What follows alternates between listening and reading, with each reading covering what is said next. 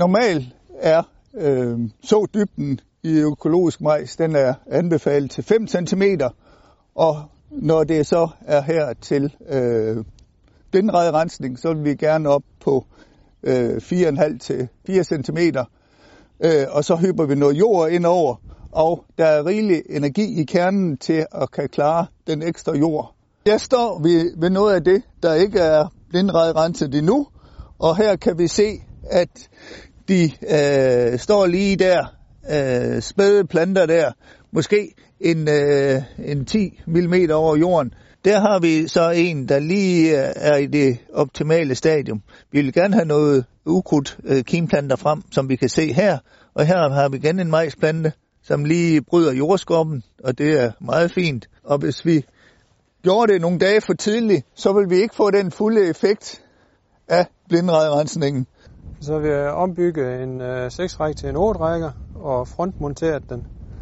Øh, skærene, der vil vi gerne have, at de er ligesom et, en diamantform, så vi får en masse jord øh, fra hver enkelt øh, skærelem til at flytte sig ud, så vi har noget, at der kan flyttes, øh, der kan hyppe ind over rækken, som vi skal have, have dækket til. De forreste fire har vi øh, 13 cm øh, skær i, og det bagerste har vi 20 cm skær for at, at, at, at få en god overlap på mindst de 5 cm mellem skærene. Her står vi jo så i en øh, økologisk majsmark, øh, der er blindredrenset en gang, og øh, en ukrudthavning. Økologisk majs er jo rigtig god til at afbalancere en, en foderplan med meget kløvergræs i, så øh, det er altid, hvis øh, de økologiske køer kan få to foderenheder med, med majs i foderplanen. Her er der lykkes en rimelig ukrudtsregulering, og som vi kan se nu, så er majsen øh, øh, godt med, men altså der skal, der skal snart renses igen. Her står vi så i en majsmark, der er længere fremme i udviklingen. Den er tidligere sået, og her har der så været en blindredrensning og en, øh, en lille forsigtig hybning bagefter.